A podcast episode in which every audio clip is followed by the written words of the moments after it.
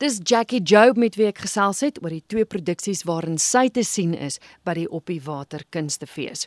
Nou sy het gepraat van And Then en dat sy saam met Jose Diaz die produksie doen. So ek gesels nou met Jose want hy's ook in een van sy eie produksies te sien. Voor ons oor jou produksie gesels, wil ek net gou vra, jy speel nou by And Then, die klavier. Maar ek en Jackie het nooit gepraat oor die oor die tipe musiek nie. Is dit bestaande musiek? Is dit musiek wat jy gekomponeer het of hoe werk dit? So dit is ehm um, ek kan sê nie voorheen bestaande musiek nie, maar ek wil dit ook nie komposisie noem nie. Ehm um, wat gebeur in and then is 'n soort voorbereide improvisasie. Goed. Dit so ek en Jackie het 'n 'n 'n tye waar ons repeteer en ons workshop en ons gesels baie en ehm um, ek dink die die idees agter wat ons doen word so diep bespreek en so ehm um, so geëxploreer deur ons twee sy op 'n fisiese manier en ek op 'n musikale manier as mens nou wil op 'n klank manier. Ehm um, so ons kom by 'n sekere struktuur in die in die dans en in die klavier musiek en daai struktuur is gee my swaalf ligpunte of of uh uh, uh ankerpunte vir wat in 'n produksie moet gebeur en dan elke keer wat ons dit optree is hy anders. Kom ons praat oor jou produksie. Jy's te sien in Music of Cinema. Uh kan ek raai waaroor dit gaan? Dun. so dit is dis twee wonderlike flieks se klankbane waar die klavier 'n belangrike rol speel.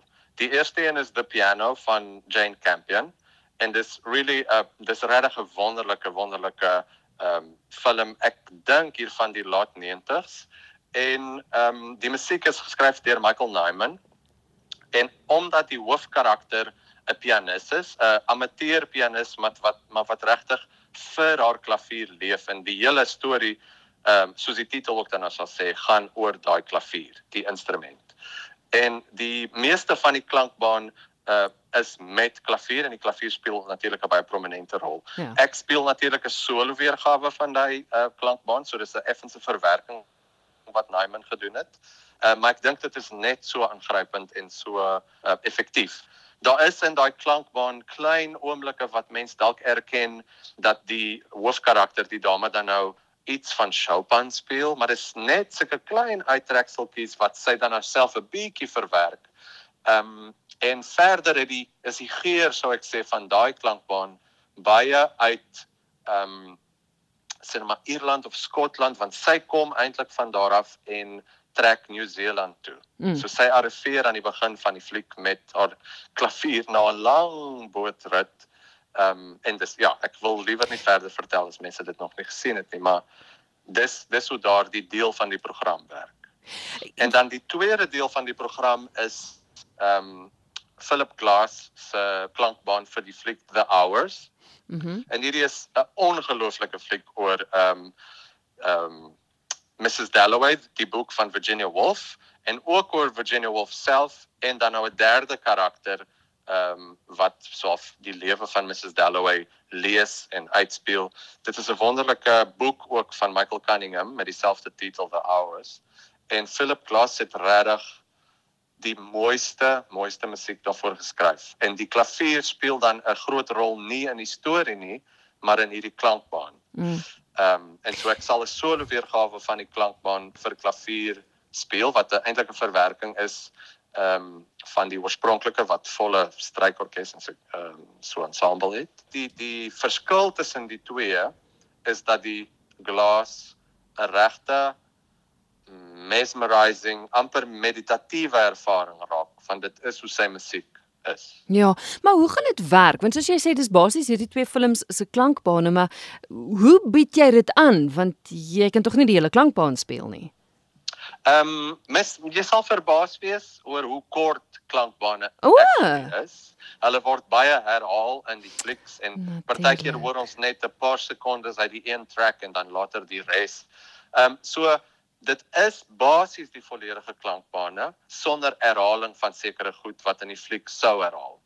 Ehm um, en dis ook nie die lengte van 'n fliek dan nou nie, want baie dele van die fliek is stil.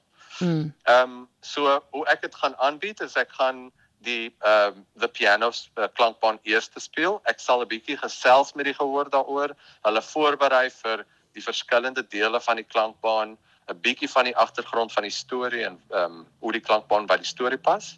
En dan dieselfde doen na dit vir the hours. En the hours stel ek voor dat daar nie te veel gepraat word oor die ehm um, uh, verbintenis met die storie self want hierdie klankbaan soos ek sê is op 'n ander aard, is 'n ander soort musiek wat mens regtig wegvoer.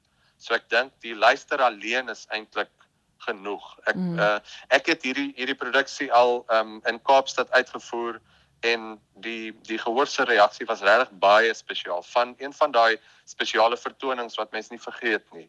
Ja. Juist dink ek oor hierdie ehm um, kapasiteit van die Philip Glass musiek. Ja, want ek wil jous my hoor is dit is wil jy hê gehore moet anders luister na die klankbaan want ek meen soos jy sê dit, dit is so ondersteunend van 'n film maar hier kry hulle die geleentheid om om die musiek op sy eie te beleef eintlik.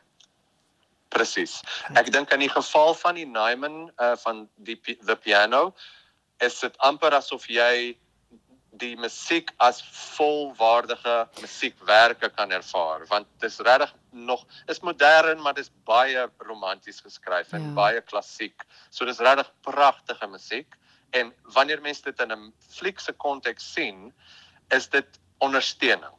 Waar hier kry dit 'n kans om swaalf op die kollig te wees. Mm. En ek dink die mense gaan besef daar's waarskynlik baie klankbane waarna hulle eintlik so moet gaan luister want dit is die moeite werd.